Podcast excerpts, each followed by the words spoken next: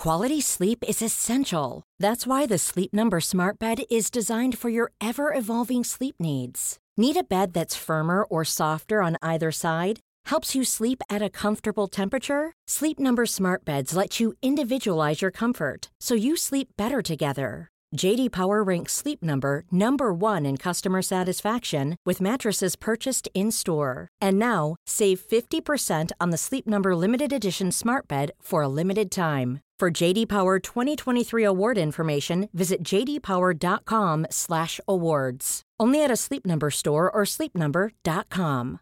A lot can happen in the next three years. Like a chatbot may be your new best friend. But what won't change? Needing health insurance. United Healthcare Tri Term Medical Plans are available for these changing times. Underwritten by Golden Rule Insurance Company, they offer budget friendly, flexible coverage for people who are in between jobs or missed open enrollment. The plans last nearly three years in some states, with access to a nationwide network of doctors and hospitals. So, for whatever tomorrow brings, United Healthcare Tri Term Medical Plans may be for you. Learn more at uh1.com. Hej lilla skata! Har du suttit på ön och häckat hela sommaren?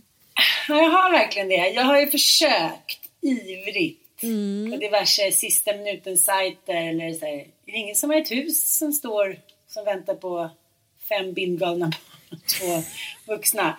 Men till syvende och sist har vi stannat här på ön och jag kan känna att det på något sätt har varit ett så här kvinndomsprov. Det har ju gått i olika faser från så här, Varje vecka första... ett nytt skeende liksom. Det var ganska roligt för jag pratade med en kompis som också är ofta på ön. Och vi alltså Fan, kan jag inte säga det ön en gång till? Jag kräks snart. Åh, oh, gud.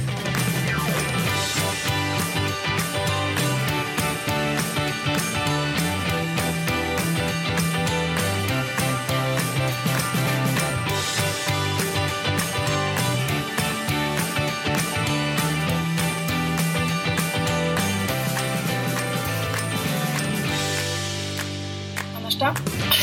Annars då? Jo men gud jag har haft en äh, rafflande sommar måste jag säga. Jag skulle säga att det var den mest äh, Alltså på riktigt den bästa sommaren i mitt liv. Jaha. Kan man säga så? Och det trodde jag ju inte när jag satt eh, där i Örebro. slutet på oktober och trodde att jag skulle typ dö utav livssorg och så här hur ska mitt liv som singelmor vara? Och sommaren kommer bli fruktansvärd. Det var det så här, var min stora bävan. Jag kommer få vara själv den här sommaren och det kommer bli hemskt. Mm. Så... Jag har liksom inte heller riktigt förstått den där som alla bara, men det ska vara singel i sommar, det kommer vara superhärligt. Nej men jag har aldrig varit singel en sommar för jag tycker inte, det, det har inte funnits någon strategi i det där. Men det var en sommar jag faktiskt, jo det var en sommar jag var singel och det var ganska hemskt. Mm. Alltså det är fruktansvärt ensamt att inte ha någon. Jag är ju en sån person, vissa personer älskar ju att vara liksom sin egen på alla sätt och vis och välja själv och sådär. Det gör jag med men jag tycker om att kunna välja själv när man är tillsammans med någon. Alltså ingen upplevelse känns ju äkta på något sätt för mig ifall jag inte gör det i någon typ av duoskap. Och det kan vara med en polare eller det kan vara med en partner, allra helst med en partner. Liksom. Mm. Så jag är väldigt glad att jag har kanske haft den bästa sommaren i mitt liv för jag trodde det typ var per definition omöjligt. Men vi inledde sommaren med allsång och jag blev placerad. Liksom, ja, du förstår. Oj, oj, oj, här kommer de komma med en mikrofon och här ska man få klämma i. Jag hade oerhört gott självförtroende i detta. Eftersom jag är så stört bra på musik och kan i princip jävligt mycket låtar utan till. Och då är det ett Sven-Ingvars medley. Jag kan allt med Sven-Ingvars. Utom kanske just texten till Fröken Fräken, Lilla söta. Fröken Fräken ifrån Fryken. Blev Miss Värmland just i år. Och sen då? Vad fan är och sen då? Sen kan ingen Nej, exakt. Alla Värmlands hjärtan slår när hon på staden går. Ja, den kunde inte jag just den versen. Det var typ det enda i Sven-Ingvars repertoar jag inte kan. Men du hade ju ett papper som du kunde tjuvtitta jo, på. Jo, men då skulle jag vara cool och inte kolla på det. Och då kommer han med micken. Alltså Sven-Ingvars son. Din kompis Jijis polare. Med micken. Och jag, så här, jag blackoutar. Ja, men du hade inte förvarnat mig. Vadå förvarnat dig? Nej, och du satt och kollade på tv så där dök jag upp. Nej, jag kollade inte. Jag skulle ju själv gått den 15 men eh, jag vet inte om vi är hemma då. Men eh, jag tycker att det där är ganska roligt. Jag var ju där. Ja, men jag älskar ju alltså, jag tycker det är svinkul. Men jag såg, du la ju ut lite bilder, jag blev så full i skratt just att du liksom såg ut som en plattityd. Du bara... Äh. och så bara säger nej, skakar på ansiktet. Ah, ja. Men hur länge gjorde det där ont i dig efteråt? Att du... Nej, men det, det kändes ju liksom hela kvällen. Ja. För det var ju liksom som så här, I och med att jag hade varit så jävla cool också inför Joel och hans föräldrar som var med. Och bara så nej men det är ingen fara. Det är liksom som vilken inspelning som helst. Man bara alltså suttit och varit tv-tuggig. Det är klart det gjorde ont. Ja. Vad ska jag säga? Ja, men just det, vi har ju fått en så här fantastisk lyssnarfråga också så vi kanske ska klämma in här i mitten av någonting. Hur det är att träffa någon när man är när man själv var barn. För mig känns det omöjligt eh, fast jag varit själv nu i två år. Eh, min dotter är fyra och hon bor endast med mig och det känns omöjligt att tänka att en ny främmande person skulle flytta in till oss. Ändå vill jag inte leva själv hela livet, jag är 37 år. Vad ska man tänka på och vad är era erfarenheter? Vad säger du Ann? Nej men eh, jag förstår inte riktigt den där eh, oron som så många, både kvinnor och män har att säga om jag bryter upp kommer jag få liksom ligga och skava på glasberget resten av livet. Man måste ju tänka så här. Om x antal tusen människor separerar, skiljer sig, blir dumpade hiten och ditan varje år. Då står ju alla där med liksom hjärtat i handen och eh, ja, men antingen så här, inte söker en ny eller också söker en ny. Så det är egentligen, alltså det är inte svårare än innan man fick barn tycker jag. Nej, och jag läste tror jag statistik om det här och jag har att det är till och med en miljon svenskar eh, eller med svenskt medborgarskap som har eh, separerade föräldrar, vilket betyder att det är ganska stor del av Sveriges befolkning som är separerade. Så att så här, det är ju ingen avart och det är ingen, ingen är skökan eller liksom, man behöver inte rädda liksom livet på sina barn genom att inte träffa någon. Jag förutsätter att eh, ens barn vill väl se en lycklig förälder. Um, och vad det är per definition det kan man ju själv kanske bara avgöra om man nu är lyckligast med sin dotter. Kan man själv bara veta det eller så? Alltså förstår du? Ja, fattar, eller kan man, kan man först ställa det i, i parallell när man liksom har testat det andra? Men, jag tror liksom ingen människa mår bra av att vara själv. Vi är ju flockdjur liksom. Så, så här, och det känns också som en så här gör man det för samhället eller för att kunna återberätta historien att jag var så själv med mina barn för att så här, det kändes rätt. Det finns ju också en viss typ av risk att man blir förbittrad mot den andra personen som har gått vidare och tycker då att den är oansvarsfull för att den själv inte gör, har tagit samma starka livsbeslut som en själv. Mm. mm. Jag känner i alla fall att så här, sen Joel kom in i mitt liv så har ju jag blivit både en bättre morsa och eh, ett bättre ex och liksom allt på alla sätt och vis. Liksom. Ehm, det blir ju lättare för en och barnen mår ju också väldigt mycket bättre med en vuxen till i hushållet. Det finns någonting i den dynamiken när man är liksom två vuxna. Ett eller två barn. Liksom. Ja, för så kan man inte heller säga. Jag känner jättemånga så här, kompisar som har levt länge ensamma med sina två barn. Två barn.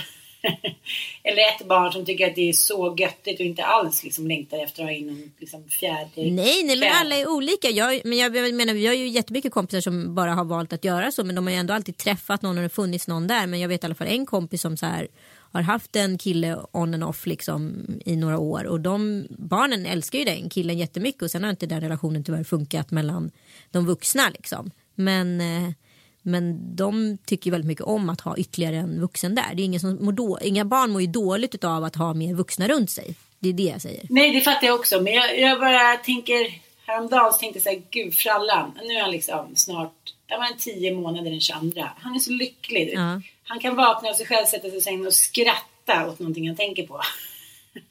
och tänka så här, det har ju varit mycket folk runt honom den här sommaren. Han är liksom, ja. han dels är han oerhört självständig, kryper omkring överallt, verkar inte ha något behov av så här, att man bara ska hålla på med honom hela tiden. Och dels finns det alltid en famn. Det gör ju honom lycklig. Men jag, jag, tänker att det är så otroligt mycket som handlar om slumpen. Hur man blir lämnad eller lämnar. Eh, hur de andra kompisarna har det just då. Eh, alltså förstår du? Sen finns det alltid så här, som jag tror på, så här, Guds Guds divine, att liksom när man behöver någon så kommer någon och det är kanske inte alls alltid den man tror. Men, men jag kommer ihåg när jag skulle berätta för eh, mitt ex att jag hade träffat Mattias och det var ju inte hundra år efteråt. Och det, det är ju sällan hundra år efteråt. Jag tycker ofta man hör det där Ah, gud vad tidigt, han träffade någon ny, vad, vad taskigt, vad elakt hit och dit. Ja, men gud vad är det? Ungefär som att man här, får en känsla i kroppen och bara säger nej, nu gillar inte jag den här snubben längre, nu är jag slut. det där har ju liksom manglats och våndats och liksom dragits runt i den här krackelerade mangen i typ 150 000 timmar innan man ens tänker tanken på att man ska liksom lyfta på arslet. Så det här att det tar så, går så snabbt innan man träffar en ny, det går inte alls snabbt. Det har tagit jättelång tid och äntligen finns det liksom ett, ett luftrum och då slår man till. Så tycker jag. Ja men alltså så här, det, det, var väl liksom, alltså nu kallar, träffade ju mitt ex sin respektive före jag och Joel liksom hade bestämt oss för att vi ens var eh, potentiellt ett par liksom. Eh, men jag kan ju inte döma, alltså så här, man kan ju inte vara arg på att någon blir kär i någon annan. Det är ju, för mig är det ett väldigt så här, abstrakt fenomen. Att folk går omkring att så här, eh, jag läste väldigt mycket om det där i Martina Haag-boken att hon var väldigt arg på honom för att han hade så här, svikit familjen och svikit oss. Och du, liksom, men slutar man vara kär så slutar man vara kär. Alltså där kan, där, det är för abstrakt. Det går inte att säga så här du hade rätten, du är tving, tvungen att vara tillsammans. Men om inte jag älskar dig, hur ska, hur ska jag göra det här? För familjens skull, ja men om ingen i familjen mår bra även om vi fyra sitter ihop liksom, då är det ju inte rätt liksom. Och jag och Joel träffade varandra, det var inte alls meningen att vi skulle bli tillsammans. Vi var ju verkligen så här, oj det här är något lite kul eh, just nu och sen så är det inte så mycket mer med det. Och sen så bara mot alla odds liksom, så blev vi ju superkära och ville verkligen inte vara kära i varandra för det, det funkade liksom inte och det blev, bara vände och blev istället så superbra liksom, krydda i livet. Alltså med barn och liksom, åldersskillnad och allting. Liksom. Det har bara funkat extremt bra. Liksom. Han är lite äldre än sin ålder och jag är lite yngre än min ålder. Så att man möts väl på mitten då. Men tror Men... du någonstans att det skyndade på? Liksom, att du kanske så här, öppnade alla cylindrar lite fortare för att Kalle hade träffat någon? Nej, absolut inte. Jag var helt inställd på att jag skulle träffa någon bortåt oktober, november. Att jag skulle verkligen så här vara själv den här perioden och framförallt så här, sörja relationen och det som varit och verkligen älta ut ur kroppen innan jag gick vidare. Det kände jag ändå att jag gjorde liksom. Mm. Eh, det var ju, alltså, jag träffade väl Joel första gången i februari det låter ju som att det är superkort tid men det är ju inte det ur, ur ett så här, tänk dig att man är hemma själv 24 timmar själv. Då är liksom tid väldigt abstrakt vad som är kort och vad som är långt. När du lever med barn eller du lever med en, i en relation så är inte det, den tiden alls lika lång. Så att det går inte att säga vad som är långt och kort. Liksom. Eh, jag, alltså, jag har haft så jävla många hela dygn där jag har varit vaken och sörjt och gråtit och allt vi har gjort. Liksom. Eh, så när det har gått tre månader där du i princip inte sovit, ätit, druckit, alltså gjort någonting. Då, då har du levt väldigt många, väldigt lång tid på sammansatt tid som bara är tre månader för en annan person. Liksom.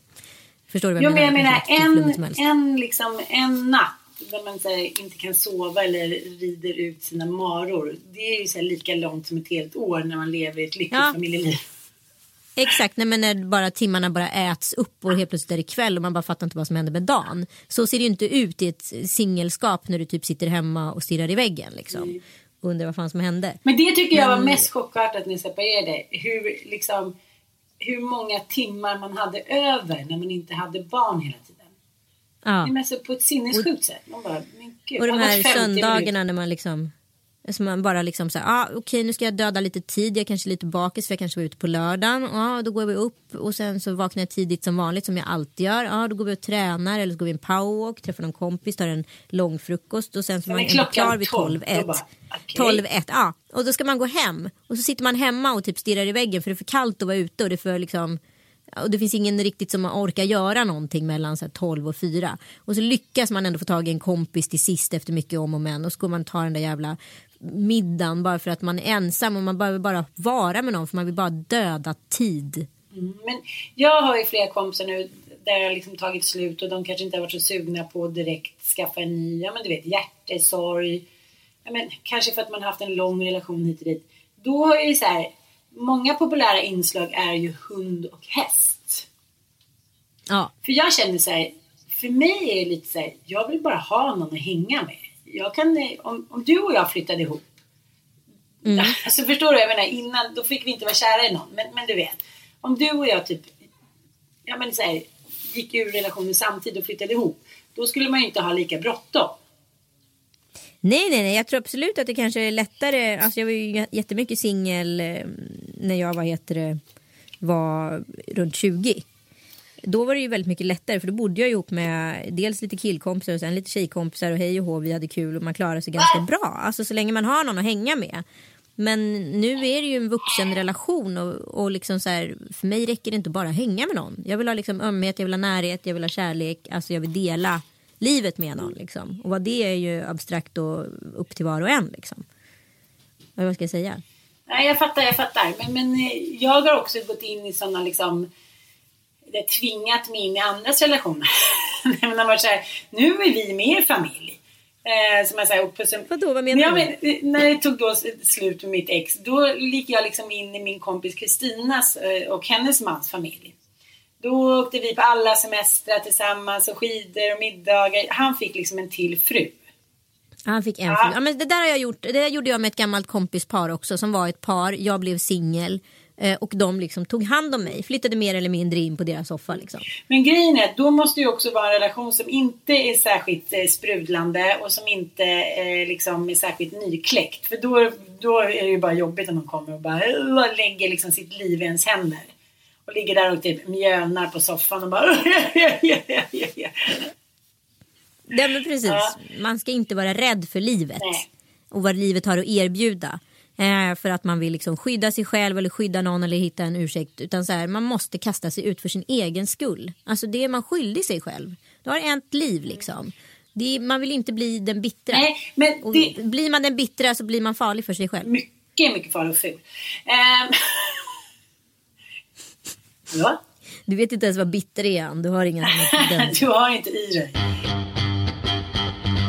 Ska jag berätta det jag upplever är svårast med föräldraskapet? Som jag verkligen så här konkretiserat jag tycker är så jävla utmaning hela tiden. Ja, den här sommaren eller överlag? Nej men alltså det som är sammantaget, det man upplever som i alla fall väldigt mycket mer påtagligt nu som ensam stående varannan vecka liksom. Um, nu är jag inte ensam men ensamstående förälder varannan mm. vecka. Det är uppfostran. Ja. Att hela tiden behöva det, höra sig själv nöta klyschor, fraseringar, eh, bannor etc.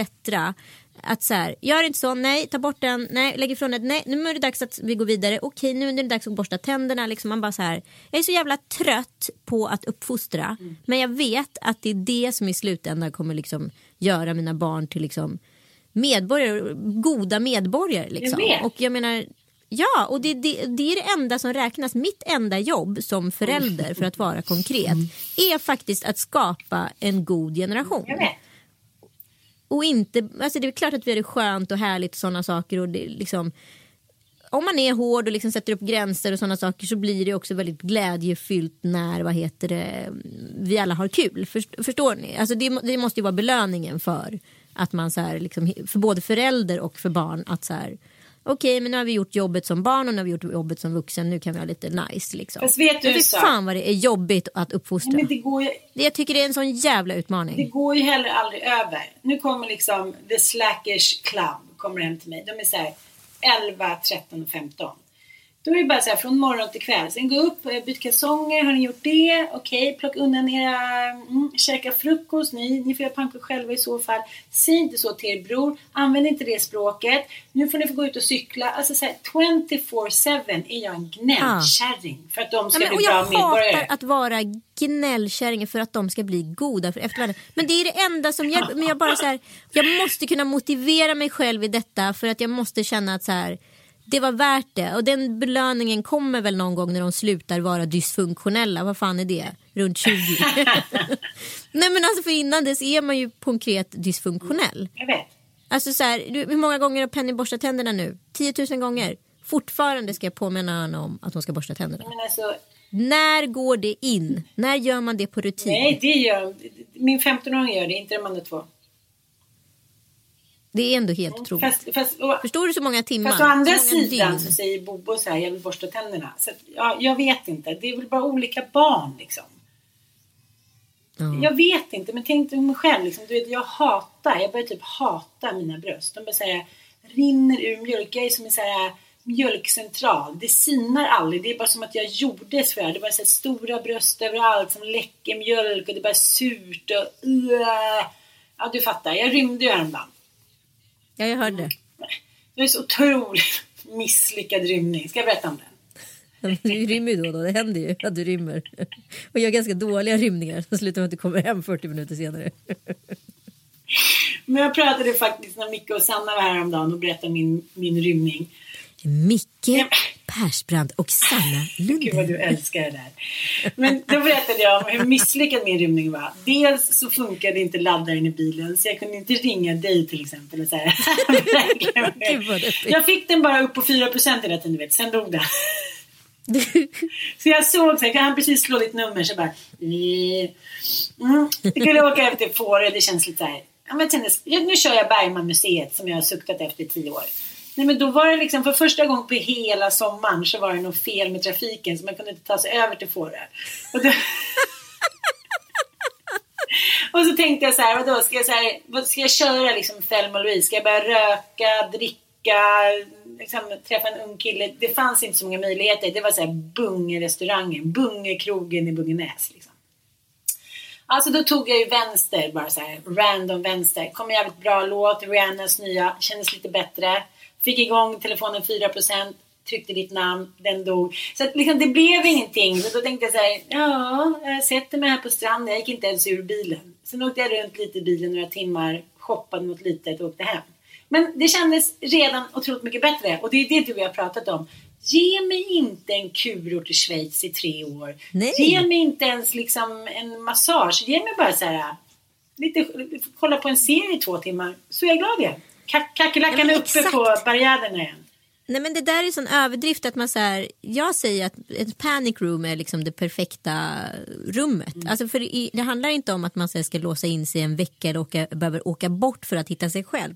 Många gånger räcker det med att liksom bara få alltså, lägga sig själv i batteriladdaren och ladda. Och det kan handla om att så här, ge mig egen tid i två timmar som är helt kravlösa. Det jag får välja om jag vill ligga och pilla mig i naveln, om jag vill sova, om jag vill läsa en bok eller om jag bara ligger och slösurfa. Men låt mig göra det och ställ inga krav på mig. Då är jag så jävla lycklig och uppfylld och fylld liksom, som människa. Då kan jag köra på i en vecka till. Det behövs sällan de här liksom, stora liksom, vill svulstiga- ha sin kurort i Schweiz.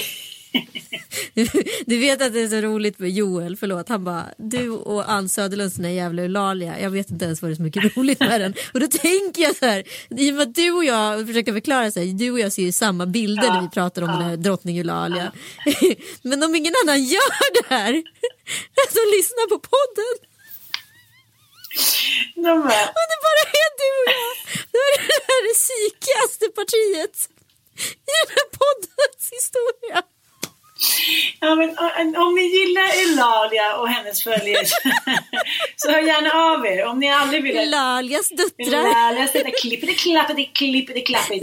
Hashtagga Eulalias döttrar Åh, jag måste ge ett konto som heter Eulalias döttrar.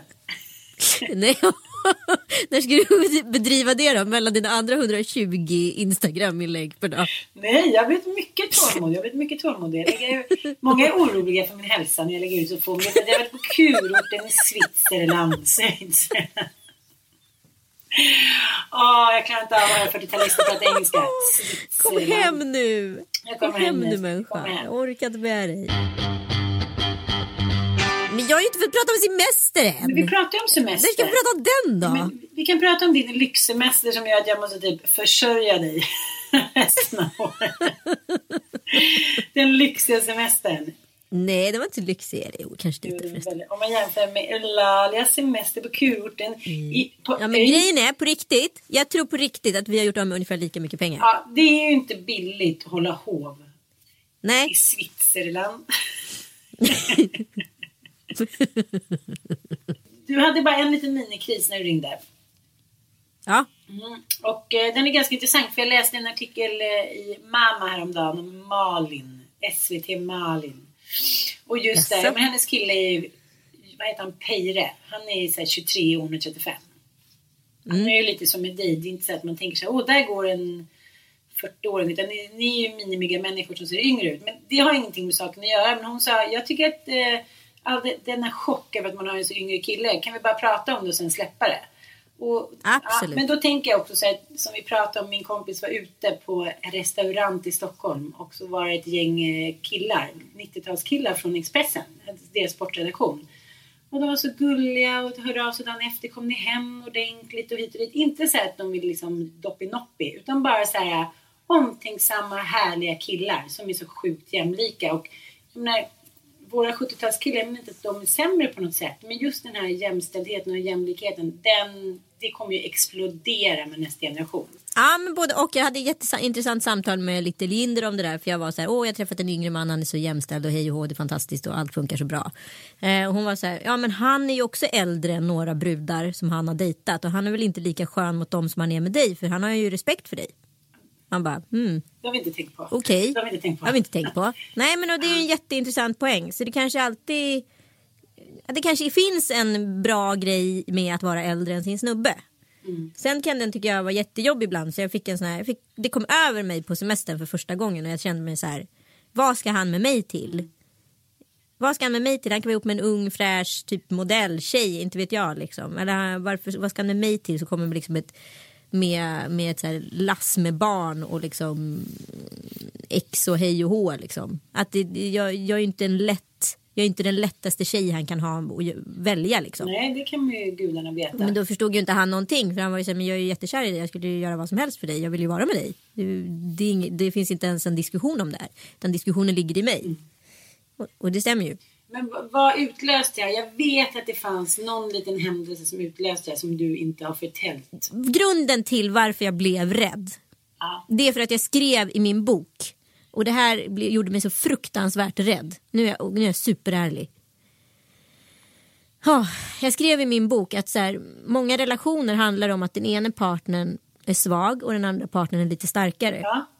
Sen handlar det om för den partner som är lite starkare att bygga upp den relationen till den partner som är lite svag. Ja. Och göra den starkare och starkare. Och när den personen då har fått luft under sina vingar då inser den personen helt plötsligt att den kanske inte behöver ha den starka personen. Så helt plötsligt försvagas den och då drar den.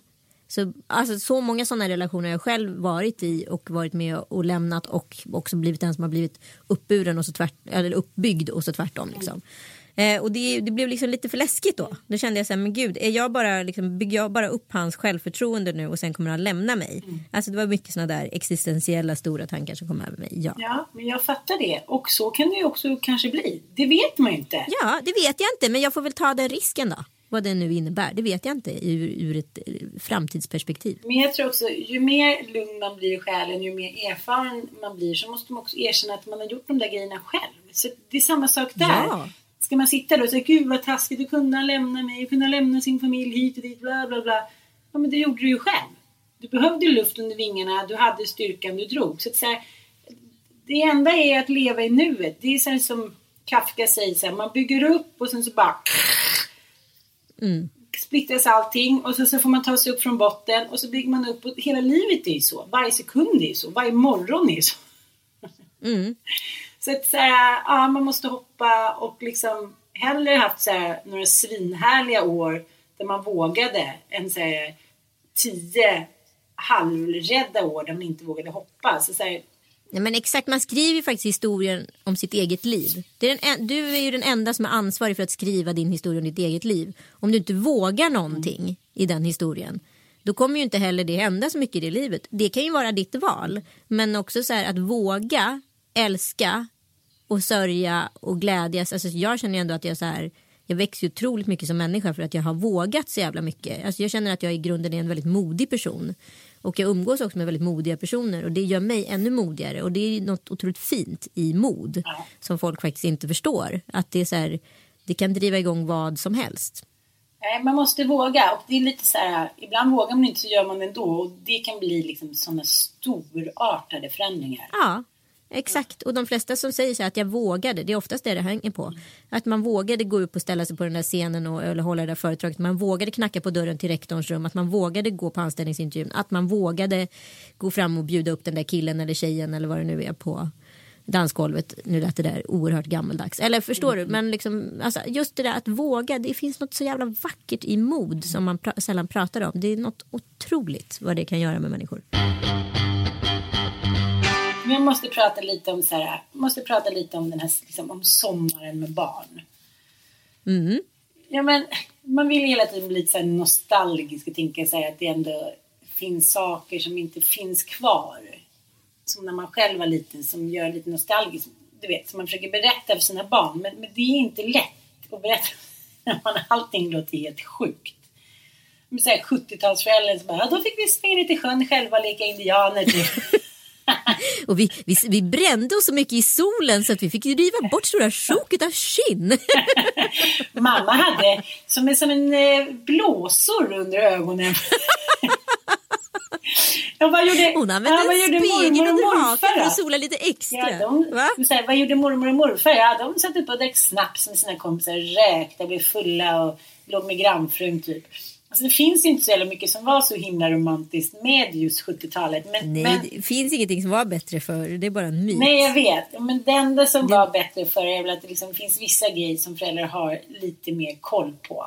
Ja, men, ja, Mm. Typ kanske så här sexförövare och sånt där. Jag vet inte. Jag tänk, tänkte på det idag när jag tänkte på det här med blottare. Att, eh, blottaren finns väl inte konkret längre? Blottaren är online? Ja, eller? det tror jag också. Så här, all, all, summan av liksom allting är konstant. Men att de hamnar liksom, ja, på nya ställen. Förstår du?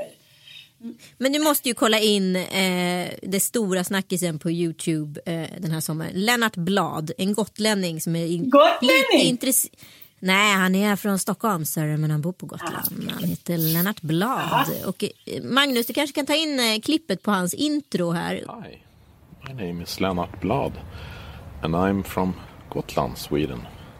I intend to start a sex site on YouTube where uh, we talk about sex and maybe show some nice positions and maybe do some dancing, striptease. Uh, what, what do I know? Här har du ju då ett, eh, ett riktigt psykfall skulle man kunna säga som har fått tillgång till Youtube. Han eh, tror ju inte heller på att alla människor är människor utan han, hälften av människorna består av mantisar och de kommer från en annan planet. Och det ringer också en telefonförsäljare till Lennart Blad som han är övertygad om är en mantis. Det är väldigt mycket som händer i Lennart Blads värld som vi, eh, ja, eh, alltså vad ska man säga, med skräck, skräckblandad förtjusning får ta del av. Men alltså, Lennart här, Lennart Blad, det är väl 70-talets blottare? Han fick utlopp för liksom sina galna snuskidéer genom att ha en trenchcoat och visa snoppen på tunnelbanan eller bussen. Han sitter nu med en YouTube-kanal och förstår inte liksom vidden av att hela världen kan kolla.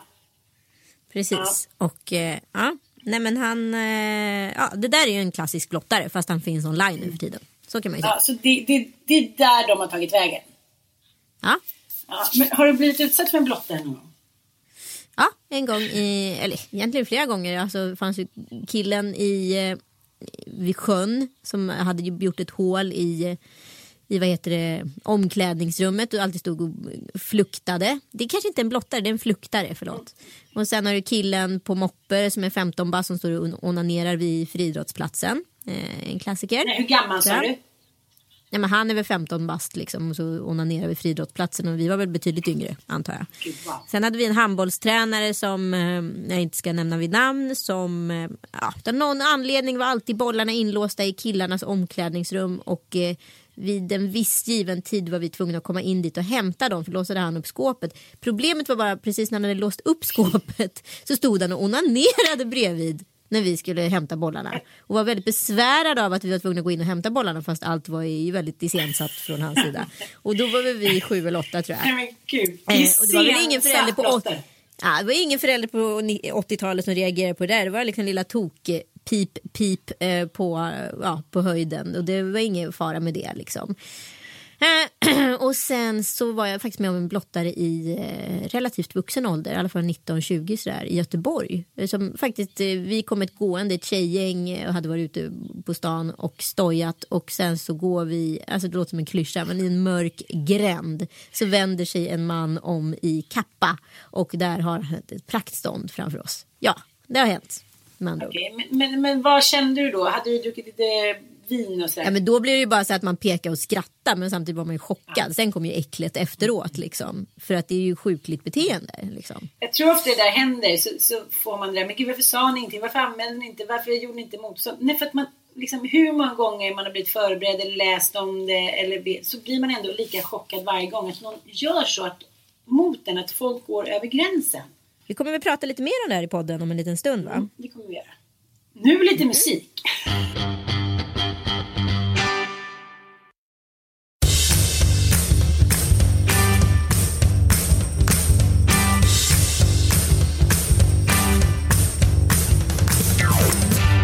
Men jag var ju med storartade naturkatastrofer och Just flygkatastrofer. ja. Men det första som händer när vi, alltså Italien behöver man inte ens prata om för det var liksom det var en honeymoon, vad fan ska jag säga? Det var för, för jävla bra för att vara sant. Liksom. Alltså, det fanns ingenting som gick snett på den resan. Alltså allt klaffa och bara var fantastiskt. Jag måste verkligen rekommendera Italien som ett land att köra bil i. Alltså herregud vilket bra billand. Och eh, jättelätt att ta sig korta avstånd.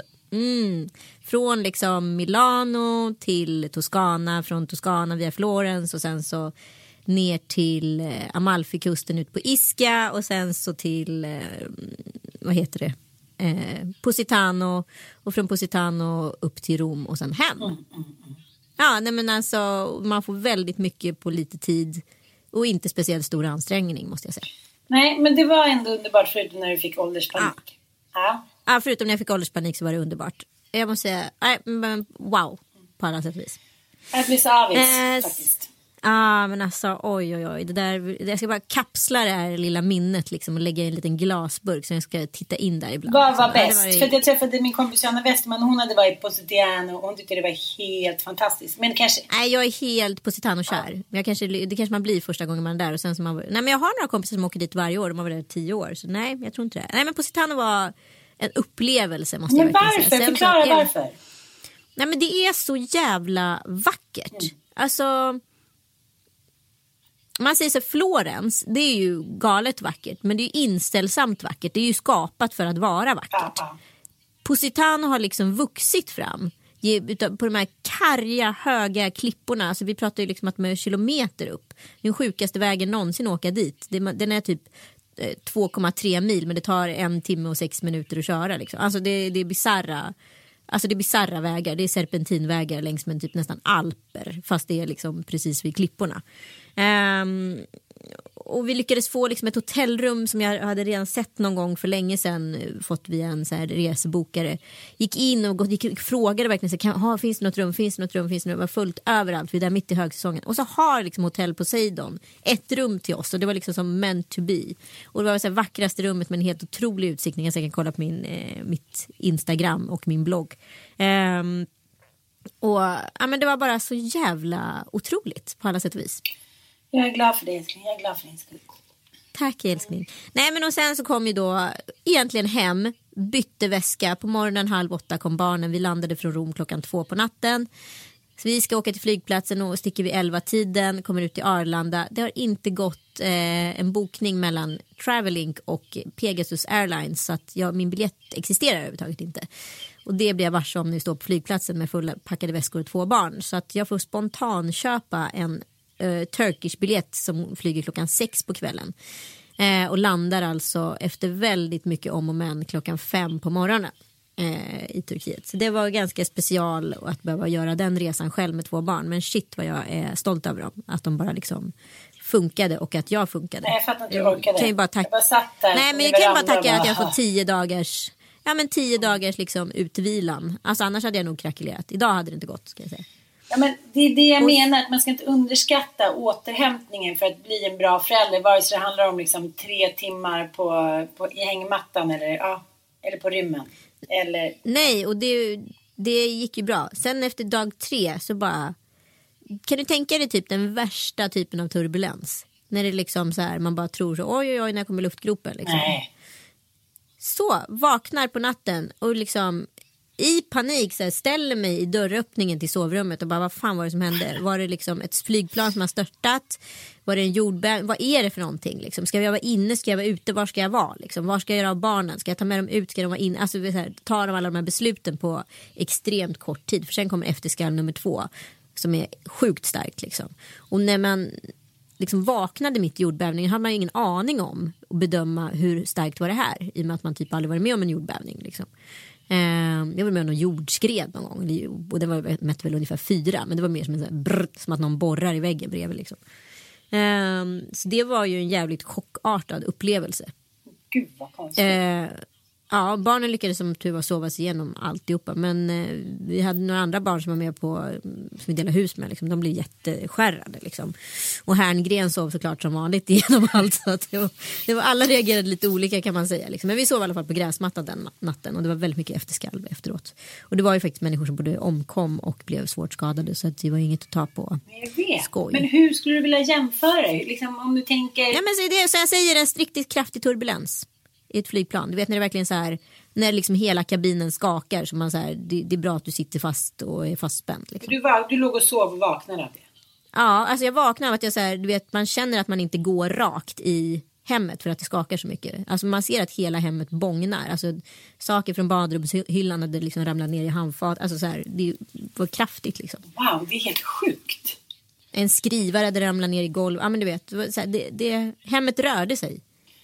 Ah, gud vad du har varit med om mycket. Här sitter kusin. Ja, och sen så var det så sjukt också för att när vi kommer på Ischia så bara ser jag, vi, liksom, Ischia ligger liksom ute i havet mitt emot så här, Amalfikusten eller på Amalfikusten ute i vattnet och då ligger den mitt emot Vesuvio och helt plötsligt när jag kommer till hotellrummet en kväll för vi har utsikt mot Vesuvio så brinner det, det bara kommer stora eldklot så jag bara åh herregud Joel vad fan är det som händer den har inte varit aktiv på typ 300 år.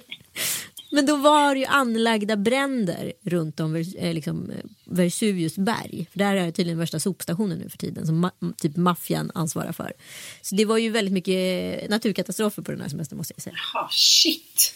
Men Och sen så hemresan bara ska jag avsluta med att berätta det sista. Då var det en hagelstorm i Istanbul. Så att eh, det gick inte att landa. Vi fick in landningstillstånd så vi landa på en annan ort 14 mil utanför Istanbul. Blir sittande i planet i tre och en halv timme. Eh, ja, ganska kaosaktigt. Folk gråter och, runt om och det var en pretty cool, alltså ganska ordentlig tur- turbulens liksom. På väg ner. nej, Ehm, och gud sen- det är helt sjukt. Jag tänker inte resa Ja, men det såg ut-. Nej, men alltså, du vet, du vet så här, himlen i Ghostbusters 1 när man ser så här stora virvelstormar ovanför molnen. Så såg det ut utanför, ovanför Istanbul och där skulle vi liksom ner igenom det här molnet. Så att det var ju helt sjukt. Det var ju ovädrenas oväder. Men då hade inte jag flugit på typ tre år tror jag. Nej, men jag är inte flygrädd alls. Liksom. Och jag vet Pegasus har ju liksom eh, turkiska arméns typ stridspiloter som piloter så de är ju håll käften bra. Liksom. Så jag kände mig 100% trygg. Liksom. Så det var inga, inga konstigheter där. Du menar allvar, du var Eh, inte rädd?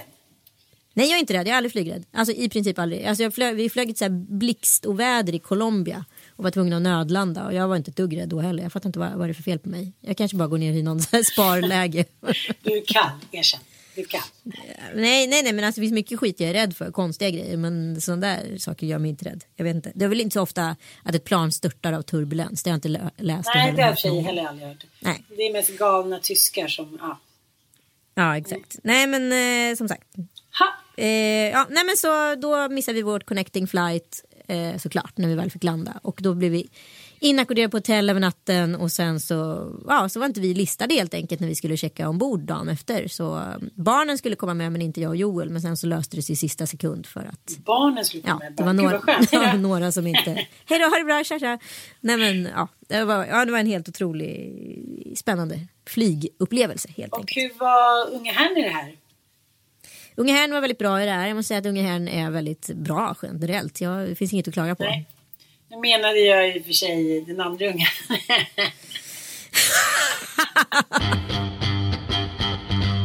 Sen så har jag gjort en lite mer, ja, men lite luxury grej. Jag käkade, Vadå? ja, men på min födelsedag så åt jag ju då fem rätter som alla på Furullen. Just Ja. Jag satt nog inne vid matbordet i alla fall, snittade med 20 minuter tror jag. Ja, det, Ja, det var 10 bra. glada laxar. En lax alltså.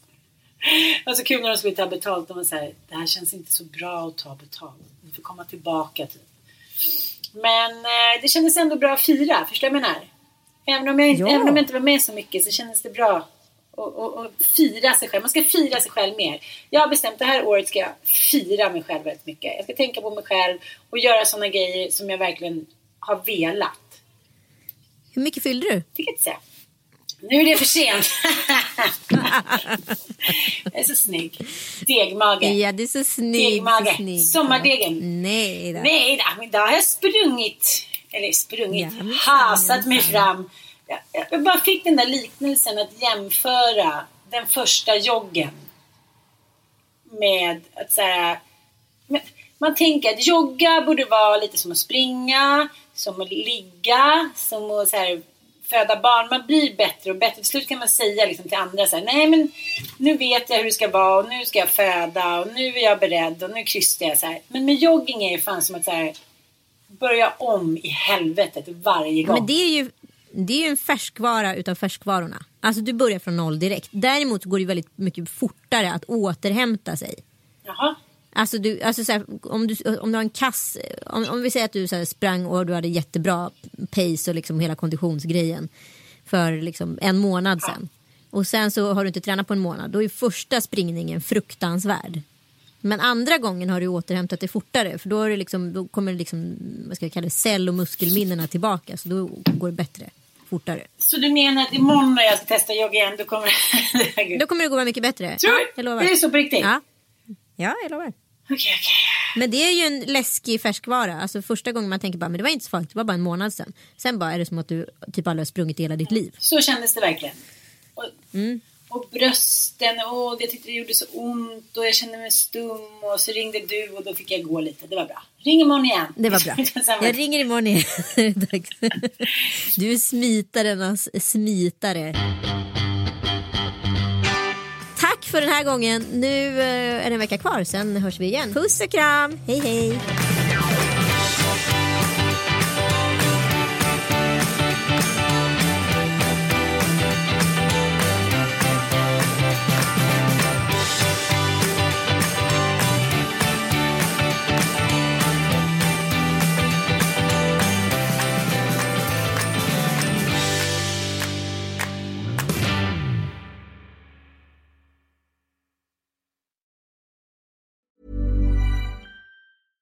Hey, it's Paige DeSorbo from Giggly Squad. High quality fashion without the price tag. Say hello to Quince.